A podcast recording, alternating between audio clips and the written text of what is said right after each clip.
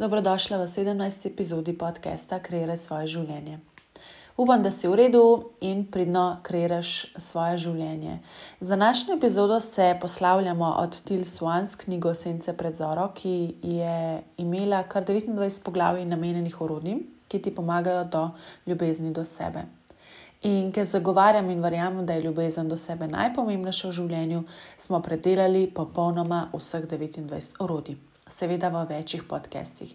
In danes je na vrsti šesti del in to je zadnji del te knjige. Dejansko smo jo prodaljevali več kot en mesec in zanimivo je, da ravno v mesecu maju, ko je vsaj za me bilo največ preizkušenj in sprememb na vidiku, in verjetno je imela ogromen vpliv na cel mesec, ne samo na zadnje dni, tudi včerajšnja rdeča superpolna luna ter lunin mrk in kar tri retrogradne uh, planete imamo.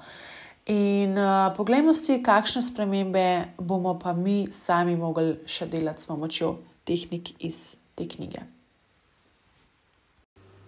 26. korak ljubezni do sebe nas uči očiščenju nereda. Ali imaš v svojem življenju dovolj prostora za ljubezen do sebe? Tole je sicer simboličen korak, da narediš prostor in počistiš nered. Nered je vse, kar stoji med tabo in vizijo, ki jo imaš za svoje idealno življenje. Ni sicer lahko počistiti življenje, ki ti ne služi več, zahteva pogum, ampak dejstvo je, da ko je tvoje življenje polno nereda, ni prostora za ljubezen do sebe. In to pomeni, da lahko tvoj način razmišljanja, tvoje telo, tvoja omara, tvoja hiša ali stanovanje, ali pa je lahko samo en prodal. In začni tako, da se vprašaš sledeče. Ali je tvoje telo v neredu, ali je tvoj um v neredu, je potrebno čiščenje, ali je tvoje okolje, kjer živiš, v neredu, ali je tvoj urnik v neredu, oziroma nimaš nikoli časa, katere stvari v tvojem življenju ne služijo več tvojemu višjemu namenu. Ko pogledaš svoje življenje, se vprašaj, ali mi ta misel, oseba, okolje ali stvar še omogoča, da bi bila bliže svoje viziji življenja, ali pa me vse te stvari in osebe oddaljujejo od tega, kjer želim biti. Če je bil tvoj odgovor ne, se potem vprašaj, zakaj imaš to stvar, osebo ali misel še vedno ob sebi zakaj si še vedno v okolju, ki ti ne odgovarja. Ko definiraš, kaj ti več ne odgovarja in ne služi, potem je čas, da definiraš, kaj pa ti služi. Predlagam, da najprej začneš s fizičnimi stvarmi, ki ti ne služijo več. Za me je bilo to zelo osvobojujoče, ko sem se lotila 30-dnevnega izziva, kjer sem vsak dan nekaj vrgla stran dejansko pa na koncu ugotoviš, kako smo navezani na stvari, ki ti z leti ne pomenijo več kaj veliko. Morate tudi razumeti, da če se želite več stvari in, in druge nove stvari, morate narediti tudi prostor za nje. Koliko imate doma stvari, torej koliko hrčkate in shranjujete vse za boljše čase in polnite svoj hladilnik, dokler ni popolnoma poln, da ga komaj zaprete. To je tudi odraz vašega notranjega stanja ljubezen do sebe, v, v primeru recimo doma, je lahko, da si pobarvate sobo v svojo najljubšo barvo, da očistite svoj avto, uredite svojo garažo ali pa spremenite malce pohištvo. In potem gremo na čiščenje ljudi iz svojega življenja. Dejstvo je, da ko spremenjamo sebe, spremenjamo svet, spremenjamo okolico. Priznam, da nisem bila najprej pozorna na to, prijatelji so pač prijatelji, če se fokusiramo na nje, in to se ne, naj ne bi spremenjalo. Ampak sem spoznala, da to ni res. Tudi prijatelji se lahko spremenijo, ko se ti spremeniš. Enostavno se ljudje razidejo, ko ne rastejo več skupaj. Ko se ne moreš več izražati in se pogovarjati o stvarih, ki te zanimajo, na način, da te druga oseba razume ali te želi razumeti, potem tukaj počasi nasta, začne nastajati prepad. Dlje, ko se oklepamo takih ljudi, večji propad nastane. Skratka, pogovorite se z ljudmi, ki v narekovajih ne, vam ne služijo več, pri ljubezni do sebe in se ne pregovarjajte z njimi, jih ne obtožujte, samo povejte, kaj čutite in pojdite naprej. To naredi zase. Ne potrebuješ potrditve drugih oseb. Ni vam potrebno zaradi tega ostati z njimi. Poenostavi svoje življenje s hrano, s stvarmi, z ljudmi in svojim načinom razmišljanja. Ni vam potrebno biti v stresu zaradi česar koli, lahko ste v miru. In iz stresa gremo lahko vsak dan tako, da počneš nekaj, kar te vedno prenese v sedanji trenutek, tukaj in zdaj. 27. korak ljubezni do sebe, po svoje svojega notranjega otroka. Kot otroci smo si naredili fundament za svoje življenje. Bilo je zgrajeno na prepričanjih, ki smo jih posvojili na podlagi in na podlagi izkušenj, ki smo jih doživeli. Nekatera prepričanja in izkušnje so bila čudovita, nekatera pa so bila traumatična in škodljiva za svoj lasten koncept. Ko odrastemo, mislimo, da se naša zgodba otroštva konča, a dejansko ni tako. Naš notranji otrok ostane živ v nas je kot CD ali USB ugrajen v nas. In naj smo si dali vse stvari, ki so bile boleče, pospravili smo jih, a hkrati smo obtičali v tej bolečini. In vedno se bomo držali te bolečine in čustev, če bomo pričakovali, da nas bodo rešile druge osebe. Vedno bomo brez moči, če bomo čakali na potrditve drugih ljudi. Zdravljenje se začne z odločitvijo, da bomo pozdravili svojega notranjega otroka. In začnemo tako, da vzljubimo del svojega notranjega otroka, ki se počuti nemočnega, prestrašenega in neljubljenega. Tehnika tukaj bi bila, da greš skozi svoje stare otroške slike in preveriš, kako se ti počutiš, ko jih gledaš. Kaj ti slike povejo o tvojem otroštvu? Ali predstavljajo, predstavljajo resnico, kako si se takrat zares počutila. Ta tehnika je lahko res zelo zdravilna. Eno izmed svojih slik obesi, potem nekam na vidno mesto, zato da te bo spomnila na tvojega notranjega otroka. Sama vem, da sem ob gledanju svojih otroških slik opazila, da se zelo, zelo redko smejim, kar je za otroka kar malce čudno. In um, tako se je začelo moje raziskovanje in spraševanje staršev in sorodnikov in, in podoživljanje vseh dogodkov. Zdaj pa vsakeč, ko se boš za karkoli odločala, pomisli na svojega notranjega otroka. Predstavljaj si, da ta mala ti stoji zraven tebe in se za vsako odločitev vprašaj, če bi to naredila svojemu notranjemu otroku. Priporočljivo je, da se s svojim notranjim otrokom pogovarjamo, da ga vprašamo, kaj potrebuje in kako se počuti. Otroci znajo odgovoriti zelo iskreno in direktno, zato ga le poslušaj, ker tako se bo notranji otrok izrazil skozi nas in mi bomo sebi dovolili izraziti svoja prava čustva. 28. korak ljubezni do sebe: postavljanje meja. Mi imamo več meja in to so fizične, čustvene, mentalne, duhovne in seksualne. Na podlagi občutka, ki ga doživimo, bomo vedeli, ali je nekdo prestopil mejo. Naprimer, nekdo vam je rekel nekaj, kar vas je prizadelo. To pomeni, da je prestopil vašo čustveno mejo in se boš počutila prizadeto oziroma ranjeno, kar pomeni, da mora tvoja meja biti bolje zaščitena. Drug primer bi bil lahko, da te nekdo povabi na zabavo, ti pa nočeš iti, ampak vseeno greš in se slabo počutiš, ker si kršila svojo mejo. Zato je pomembno, da veš, kako se počutiš skozi dan, cel dan. Kadar se sramujemo tega, kdo smo in kaj hočemo biti, imamo zelo majhne meje. Zato je zelo pomembno, da se poslušamo in upoštevamo svoje mnenje. Meje. Prav tako je pomembno, da ne bežimo pred samim sabo in pred svojimi mejami. Če se slabo počutimo, predtem ne bežimo, ampak si dovolimo občutiti občutke, si priznamo, kako se počutimo in gremo potem naprej. V katerih primerih še nimamo zdravih meja?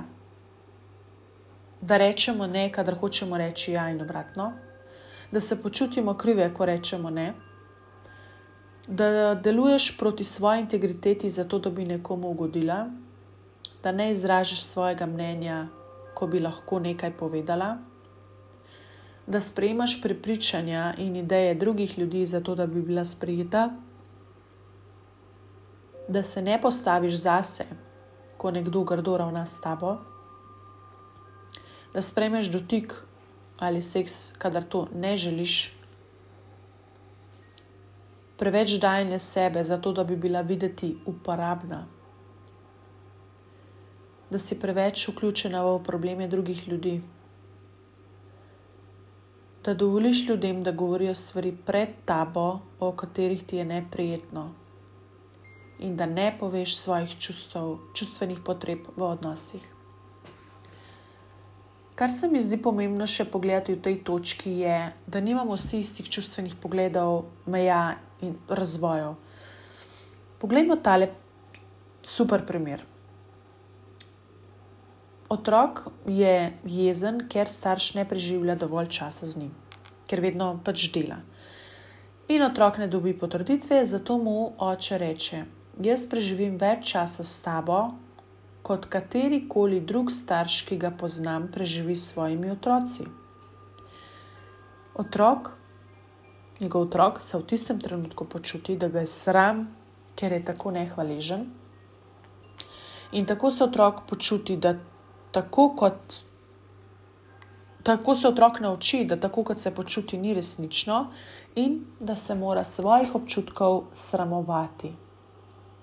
Tako se otrok nauči, da jeza ni sprejemljiva in tako ustvari lažno identiteto, kjer mora samo govoriti hvala konstantno. In čez čas verjame, da je postal srečna in hvaležna oseba. Nikoli pa si ni priznal, da se globoko v sebi počuti jezno. In kako vemo, da, da smo mi ta jezen otrok? Vprašaj se sledeče. Ali vem, kaj si želim? Ali dovolim drugim osebam, da mi rečejo, kaj naj mislim in kaj, kako naj se počutim? Ali počnem stvari, ki jih v resnici ne želim početi, in ali rečem ja, ko hočem reči ne, ter obratno. Ali me je strah povedati drugim, kako se zares počutim? Ali me je strah, da bodo ljudje negativno mislili o meni? V odnosih si zelo velikrat želimo biti z osebo, ki bi nas razumela, kako se počutimo, ampak ne vzamemo si čas, da bi sami razumeli svoje občutke. Ne razumemo, da si sami povzročamo težave, ko želimo iti mimo stvari, ki nas bolijo. Dejstvo je, da s postavljanjem zdravih meja imamo lahko odnose, brez da bi izgubili sebe. Kadar so meje nejasne nam, bodo nejasne tudi drugim. In ljudje, ki se bojijo intimnosti, zgradijo velike zidove nimajo zdravih meja. Konec koncev pa lahko kontroliramo samo sebe in svoje meje. Ne moremo kontrolirati drugih. In mi smo tisti, ki določamo, kaj si bomo dovolili izkusiti z drugo osebo. Preveriš sama, kako kršiš svoje meje, kako se ob tem počutiš in ali si res želiš tega. Naš zadnji korak, 29. korak ljubezni do sebe, stopi v svoj življenjski namen. Na neki točki se nehamo sprašovati, kaj je moj namen v tem življenju. Je odločitev, ki jo vsi enkrat v življenju sprejmemo. Nekaj, v narekovajih, zagotovo počnemo. V zadnjem koraku odkrivamo, ali počnete to, kar bi dejansko morali početi v tem življenju. Če pogledamo večjo sliko, bi tvoja življenjska pot morala odražati, kdo si ti v resnici. To pomeni, da ima tvoje življenje tiste omejitve, ki si jih postavila sama. Dejstvo je, da se ti življenje lahko v momentu spremeni, kadar želiš in kadar se odločiš. Ti si odgovorna za to. Če nisi zadovoljna s svojo kariero, ta trenutek si ti odgovorna, da spremeniš svojo smer, kam želiš iti. Če se ne boš odločila sama zase, bo to naredil nekdo drug zate. In spet boš tukaj morala upoštevati svojo intuicijo. Verjamem, da je lahko ta proces malce grozljiv, ker se ti lahko poruši vse tvoje notranje vrednote in se zgradijo na novo. Oziroma, se pokažejo tvoje prave notranje vrednote. Če si dovolj pogumna, da živiš svoje prave notranje vrednote, potem te čaka stopnja svobode, radosti in izpopolnitve, ki je še nisi izkusila. Čas je, da spregovorimo o tvoji dušni poti, o tvoji duši. Tvoja duša je tvoja naravna esenca. Tvoja duša ne potrebuje raziskovanja, kdo si, ker ona ve, kdo je, oziroma si ti ve, kaj ljubiš in kakšne so tvoje najgloblje želje. Mi nismo rojeni na ta planet zato, da bi iskali svoje duše, kot da smo jih izgubili. Naša duša je še vedno aktivna, ko smo otroci. Potem pa se na nas pripapajo prepričanja drugih ljudi, in veliko ljudi potem svoje življenje preživi v iskanju svoje duše, svojega zavedanja. Dokler se ne potopimo v svojo dušo, ne bomo nikoli zares ljubljeni. Prava ljubezen je ljubezen, ki obstaja v resnici osebe in ne v fasadah, ki si jo dajemo na sebe. Torej, ko se odločiš, kaj bi počel v življenju, je pomembno, pomembno ugotoviti, kje si. Ta trenutek preveri, če si srečna.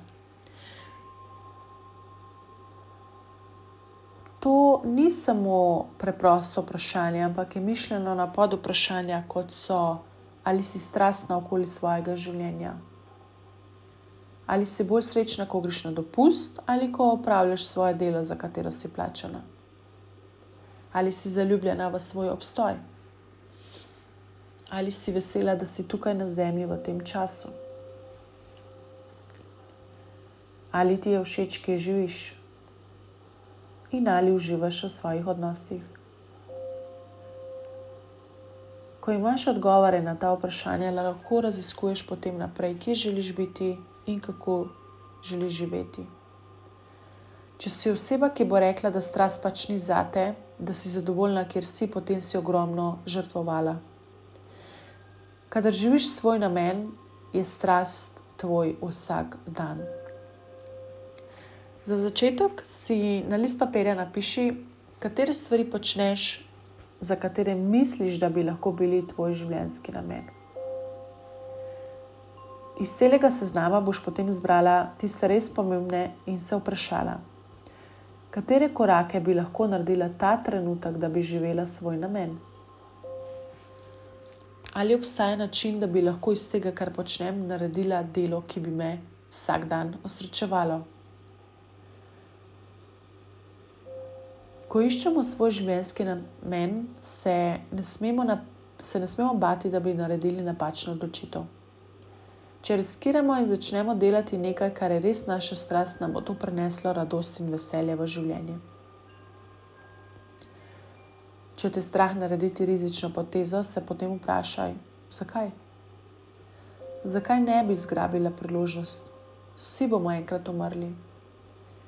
In vsi upajo, da bodo umrli varno. Vsi, ki pa živijo varno življenje, to na koncu, na smrtni posli, obžalujejo. Če ne veš, še, kaj bi počela, si lahko vzameš čas in greš na kakšen tečaj, ali pa poskusiš se naučiti kaj novega. Greš na kakšen dogodek, ki si si res že dolgo želela. Zakaj ne bi riskirala in postavila srečo na svoje prvo mesto? Ker ko si ti srečna, so srečni vsi ostali okoli tebe. Noben življenjski namen ni bolj ali manj vreden od kogarkoli, vsak ima svojega Ego je tisti, ki določa, kaj je več vredno. Naj te to ne preslepi. Vsi smo vredni in vsi imamo svoj namen, ne glede na to, če je to delo, s katerim se preživljaš, lahko pa je tudi vzgoja, učenje, zdravljenje, kar nekaj, kar počneš zraven. Ni vedno vse pogojeno z denarjem. Je pa nujno potrebno raziskovanje sebe.